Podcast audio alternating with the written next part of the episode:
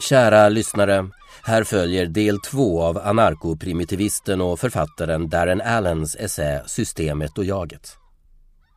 Anarkoprimitivist. Det är så himla fånigt hur vi sätter etiketter på varandra. Det är som att vi vill kapsla in mångtydigheten, det paradoxala, det överväldigande i livet och göra det fattbart. Hur kunde vi bli sådana maskinmänniskor? Men det betyder ingenting. Ingenting betyder någonting, bara kärlek betyder något. Att vara medveten. Om inte annat över hur inte medvetna vi är. Här kommer del två av tre av Darren Allens essä Systemet och jaget.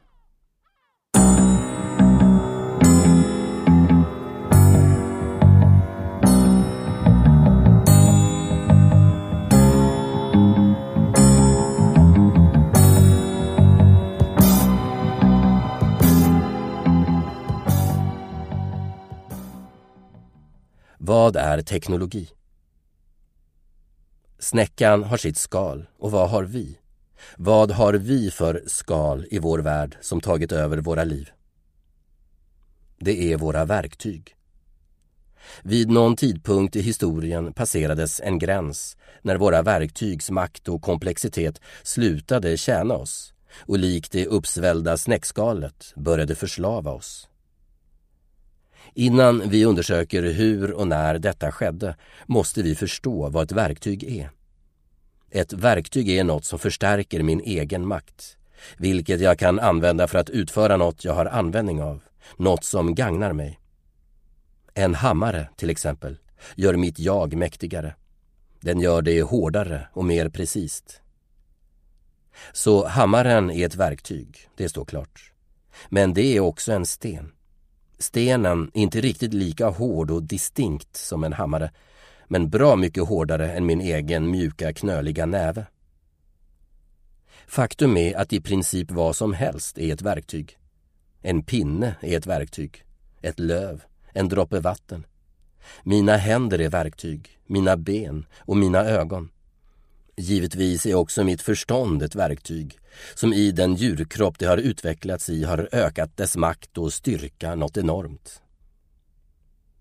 Så om i princip allting på jorden är verktyg, inklusive mitt eget förstånd, vad är då problemet med dem? Och hur skapade de vår moderna världs dystopiska helvete? Svaret är att de överskred sina naturliga gränser. Låt oss ta transportsystemet som exempel. När människor använde sina fötter för att ta sig runt och senare hästar och enkla kärror var dessa verktyg så att säga inom räckhåll. Det vill säga om något gick sönder och problemet var möjligt att fixa så kunde vi laga dem själva. Dessutom kräver ben och kärror inte orimliga mängder tid och energi för sitt underhåll och de producerar inget onyttigt avfall. När förbränningsmotorn uppfanns förändrades detta. När farten och kraften hos tåg och sen bilar passerade en viss nivå kom kraven att världen måste formas efter dem. Och likt de galna snäckorna blev vi då tvungna att arbeta hårdare och hårdare för att bygga och underhålla denna värld. Jag menar inte bara den tid och ansträngning som krävs för att spara ihop till, köpa och sen ta hand om familjebilen. Jag menar hela transportsystemet all olja och asfalt och metall och plast vi behöver till alla våra fordon, vägar och järnvägar. Som art måste vi ägna en oerhörd mängd tid och ansträngning åt att utvinna och raffinera alla material som krävs för att transportera oss. Så till den milda grad att vi som samhälle till slut ändå börjar tappa fart. Resandet blir krångligt, frustrerande, tråkigt, segt och obehagligt. Dessutom, vart vi än tar oss blir det mer och mer likt stället vi lämnade. Men vårt transportsystem är bara ett av verktygen som har vuxit sig utanför vår räckvidd. Sjuk och hälsovårdssystemet är ett annat. Energisystemet, vårt juridiska system, vår informationsteknologi, våra tillverkningsindustrier och våra säkerhetssystem är alla verktyg som har skenat som har överskridit sina gränser och som inte längre tjänar oss. Ta ytterligare ett exempel. En handsåg. I princip är en såg precis inom de gränser män och kvinnor kan råda över. Den kräver vare sig mycket underhåll eller något stort tillskott från miljön. Folk kan laga den när något felas den och de kan återvinna delarna när dess livslängd är slut. Så är det inte med en motorsåg. Den tillhandahåller långt mer kraft än handsågen. Men till vilket pris? Den kan inte lagas av vanliga människor eller gemenskaper när något går sönder. Den kräver ett väldigt industriellt komplex för tillverkning och underhåll och den gör det möjligt för oss att hugga ner hela skogar. Men motorsågen är egentligen inget verktyg. Det är en maskin. Det är den term vi använder för komplexa arrangemang av verktyg som samverkar för att framställa ett önskat resultat. Alla maskiner, undantaget de allra enklaste, som ett vattenhjul, är utom räckhåll för människan. Detta innebär att det är dåraktigt att påstå att maskiner är neutrala eller att de är till nytta. Vi kan ha en viss kontroll över hur vi använder en motorsåg och individen kan vara kapabel att använda den till bra saker. Men motorsågen är en del av det omänskliga systemet, vilket individen står maktlös emot och blir förslavad under. Vad är systemet? Maskiner måste inte bestå av objekt likt motorsågen. De kan också utgöras av människor och information. Vi kallar dessa mjuka maskiner för institutioner. Om maskiner är världens hårdvara så är institutionerna dess mjukvara. Och precis som att enkla verktyg är inom räckhåll så står små lokala föreningar, klubbar, lag och andra gemenskaper inom människans makt att förändra och anpassa. Och precis som att våra verktyg blir till maskiner som underordnar män och kvinnor så gör även gemenskaper som förvandlas till institutioner det. Institutioner underordnar människor genom att tvinga dem att anpassa sig till institutionens organisation. De gör detta i stort sett på samma sätt som komplexa maskiner organiserar sina delar för att säkerställa att allting ska sitta ihop.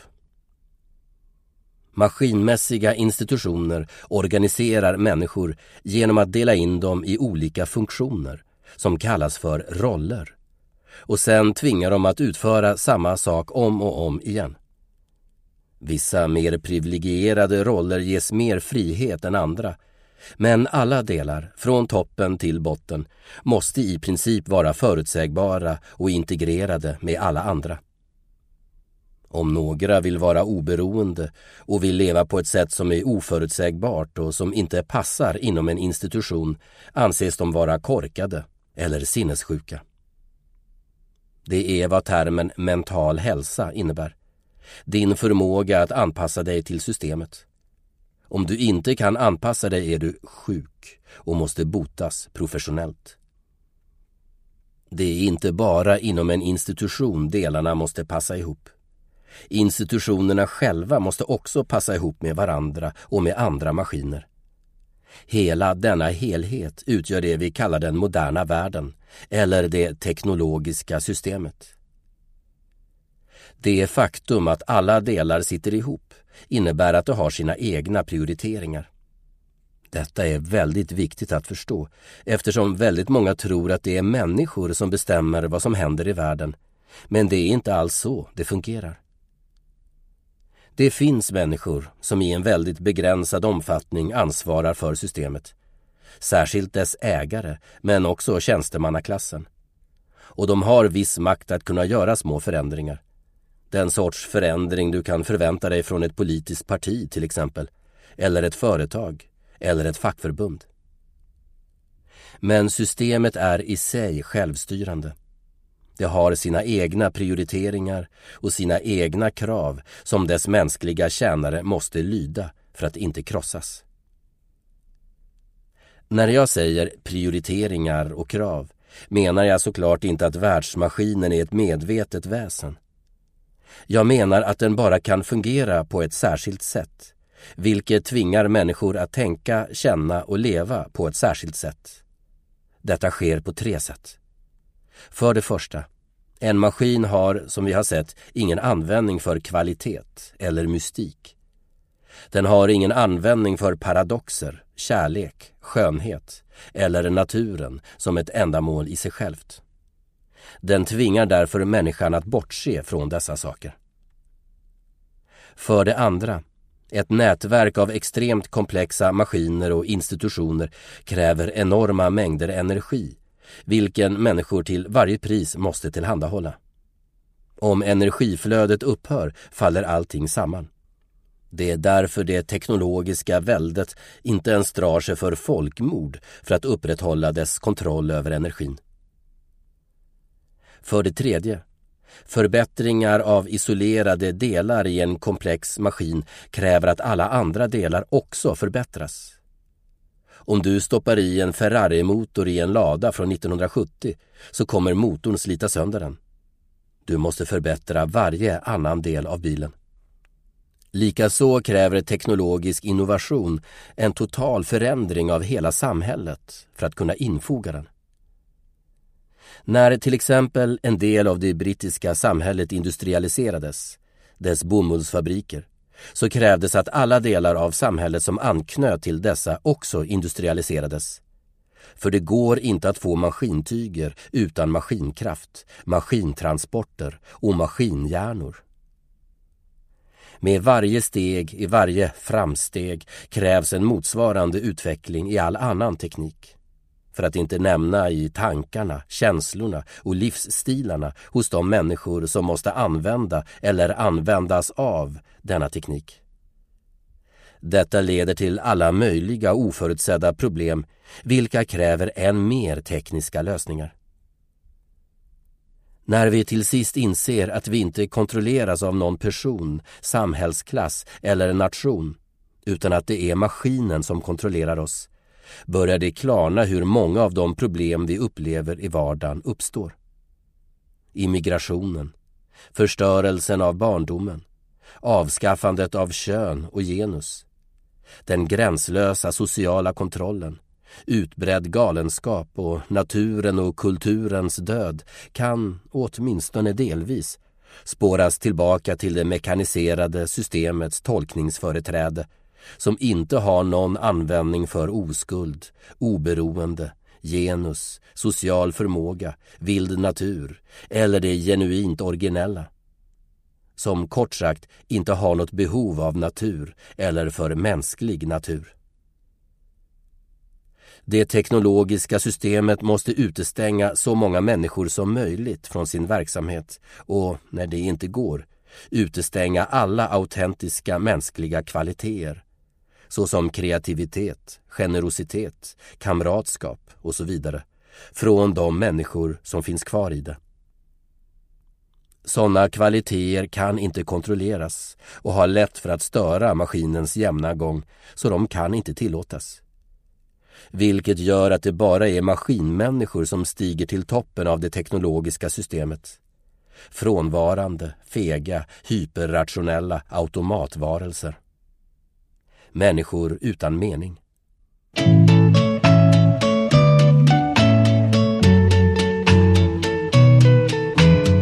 Tous les garçons et les filles de mon âge se promènent dans la rue de par deux. Tous les garçons et les filles de mon âge savent bien ce que c'est qu'être heureux.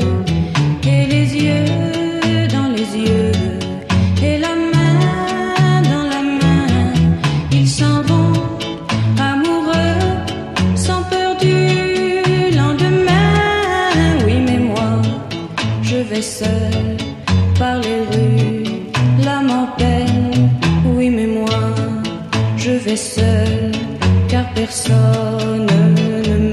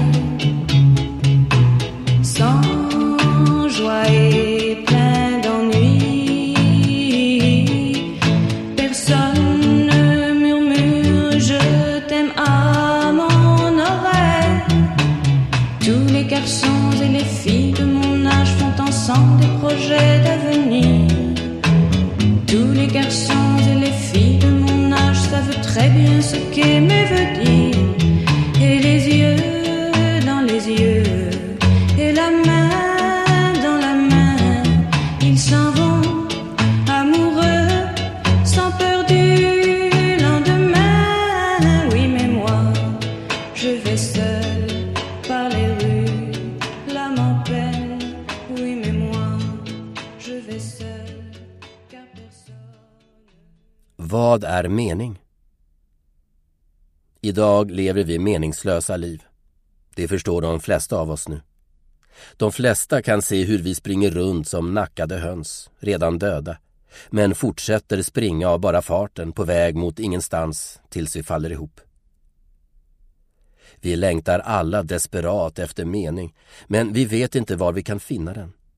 Vi vill alla resa, hjälpa svältande föräldralösa, arbeta i filmindustrin, ge upp allt och bo på en gård, bli upplysta munkar eller bilda familj. Men även om vi lyckas uppnå dessa saker så är det ändå inte tillräckligt. Vi är fortfarande inte nöjda. Orsaken till vårt missnöje är att vi inte vet vad mening är eller hur vi finner den. Det finns fyra källor till mening i våra liv. Först och viktigast är den ursprungliga källan till mening, det vill säga medvetandet och kvaliteten av att enbart finnas till i detta nu. Den andra källan är naturen. Den vackra, mystiska, osjälviska upplevelsen av att vara i vildmarken. Att känna sin egen vildhet. Eller att helt och hållet fördjupa sig i vilda ting som himlen, en bit sjögräs eller sin egen kropp. Den tredje källan till mening är varandra, som samhälle eller kultur. Vi skapar vår kultur utifrån medvetandet, varifrån universell kulturell kvalitet uppstår, med vilket jag menar mänskliga kvaliteter vi känner igen i vem som helst, oavsett var de kommer ifrån. Mod, värdighet, vitalitet och så vidare. Vår kultur skapas också utifrån naturen, varifrån en särskild kulturell kvalitet uppstår. Det som till exempel skiljer den konst och de seder som finns i Kenya med Eskimoers seder och konstnärliga traditioner, vilka båda är ett med den natur som omger dem. Vi skapar också vår kulturella värld utifrån de olika krav vår samlevnad kräver. Vårt behov att fortplanta oss och att ha roligt nödvändigheten av att hantera de oundvikliga problem som uppstår med att leva tillsammans och vårt behov av att nära, klä oss och ha tak över huvudet. Detta leder oss till den fjärde källan till mening, meningsfullt arbete eller meningsfull tillverkning. Att göra de saker vi behöver i våra liv och att leva gott.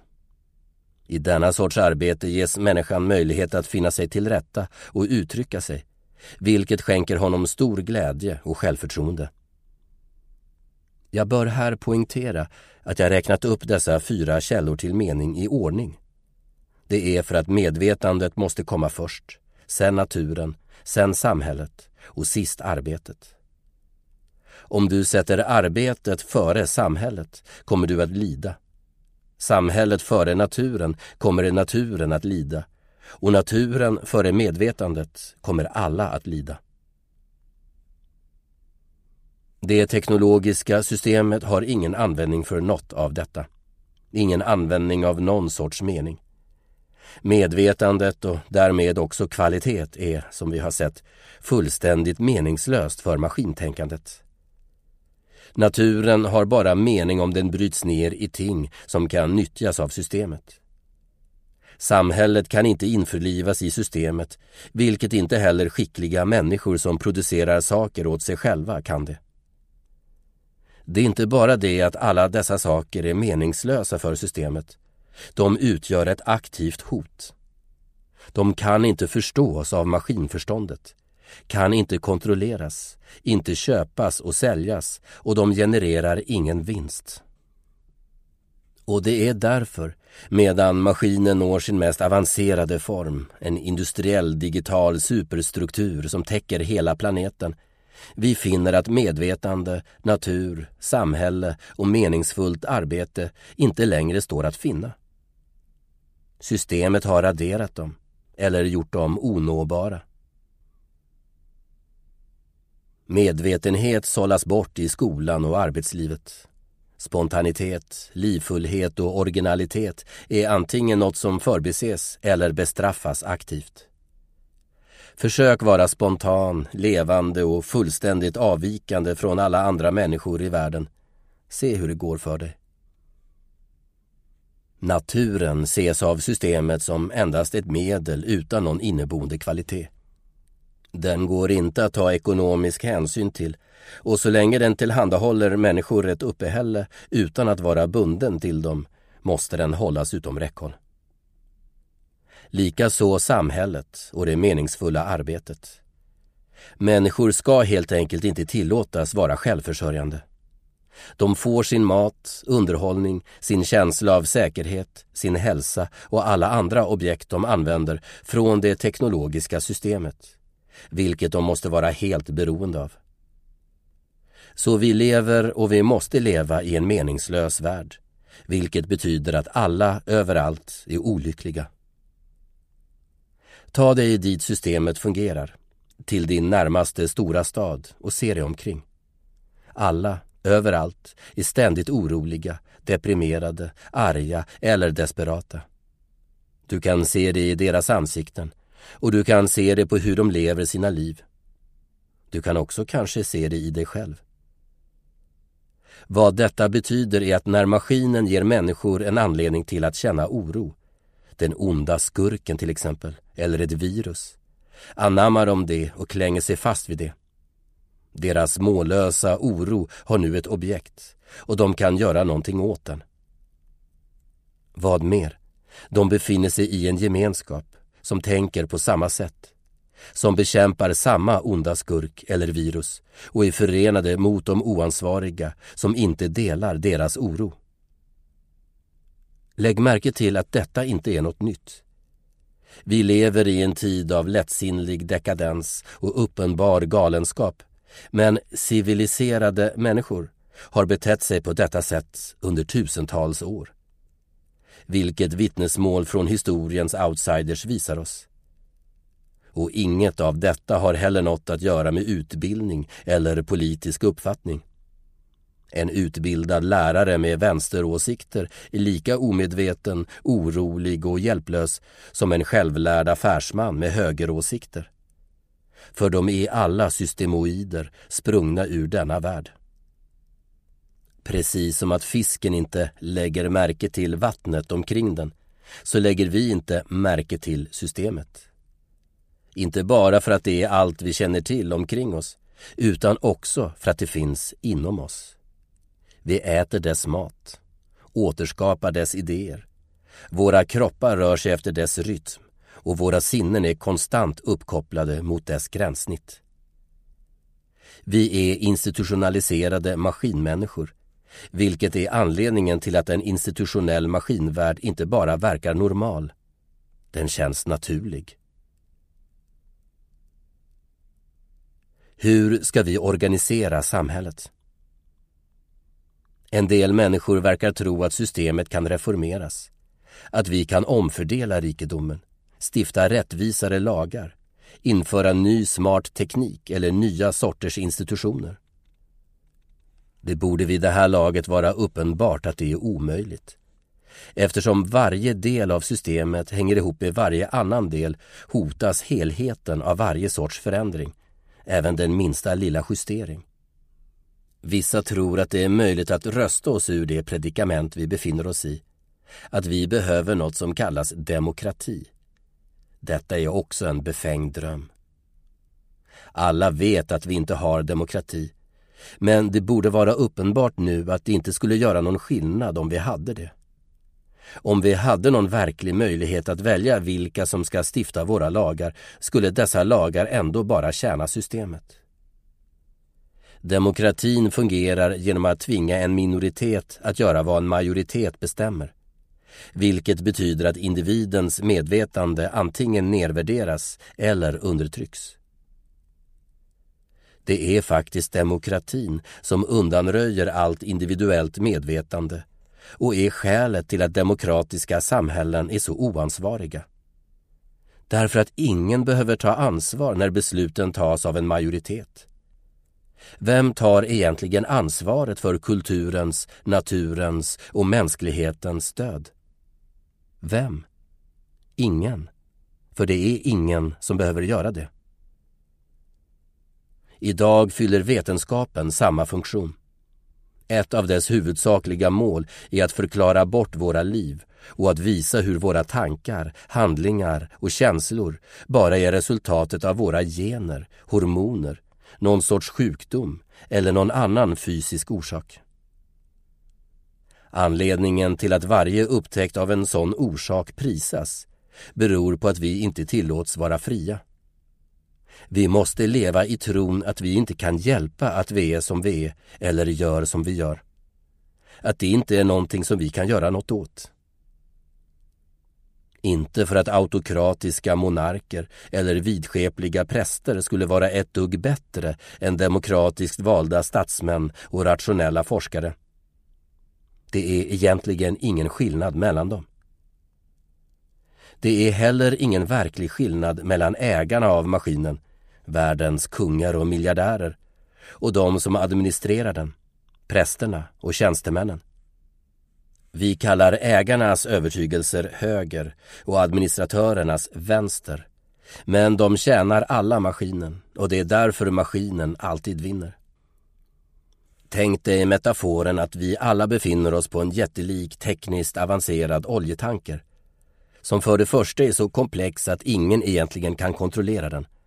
För det andra förorenar havet med sitt avfall och tar död på allt havsliv vart den än far och för det tredje är så förvuxen, tungrodd och extremt instabil att den när som helst riskerar att sjunka och ta livet av oss alla.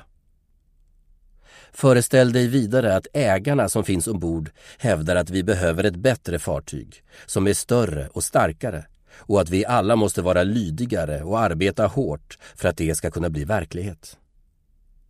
Tänk dig sen att administratörerna, som också är ombord, säger att fartyget behöver fler institutioner för att fungera bättre och att dessa ska vara inkluderande och miljövänliga och att ägarna borde beskattas mer och vanligt folk få mer i lön.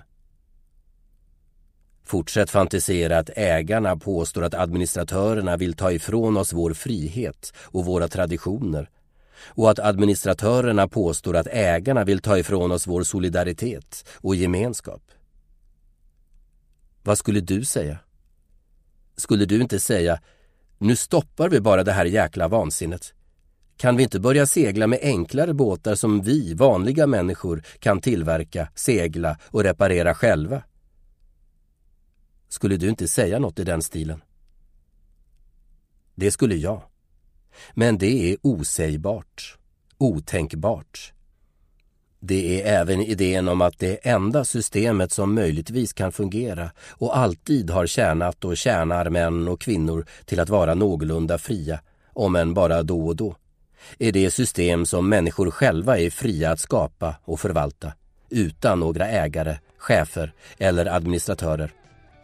Och framförallt, utan det hyperkomplexa självgående system som har oss alla under sin kontroll.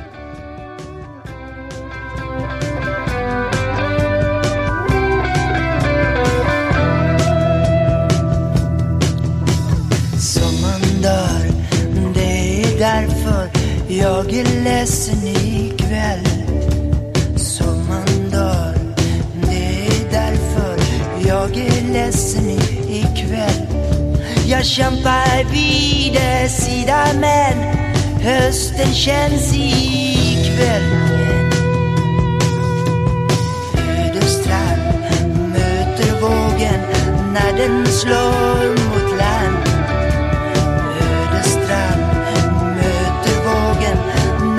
slå mot land. Kvar finns inga sommarbarn,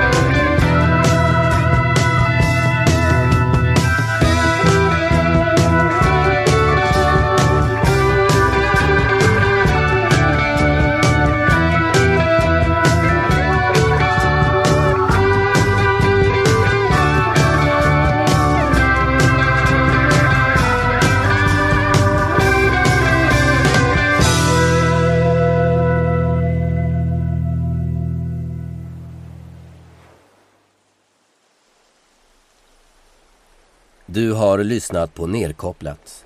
Ett analogt asplöv i ett digitalt dödsläger. Med mig Håkan Julander. Översättningen av Systemet och jaget är gjord av Jesper Jäderqvist som också har mastrat. Sen lästes in den 14 november 2022. Gå in på Darren Allens hemsida expressiveegg.org och läs mer om honom och hans böcker. Musiken var Tous les garçons et les filles med François Hardy och Den öde stranden med John Holm. Glöm inte att lyssna på tredje och sista delen. Gå med Gaia så hörs vi.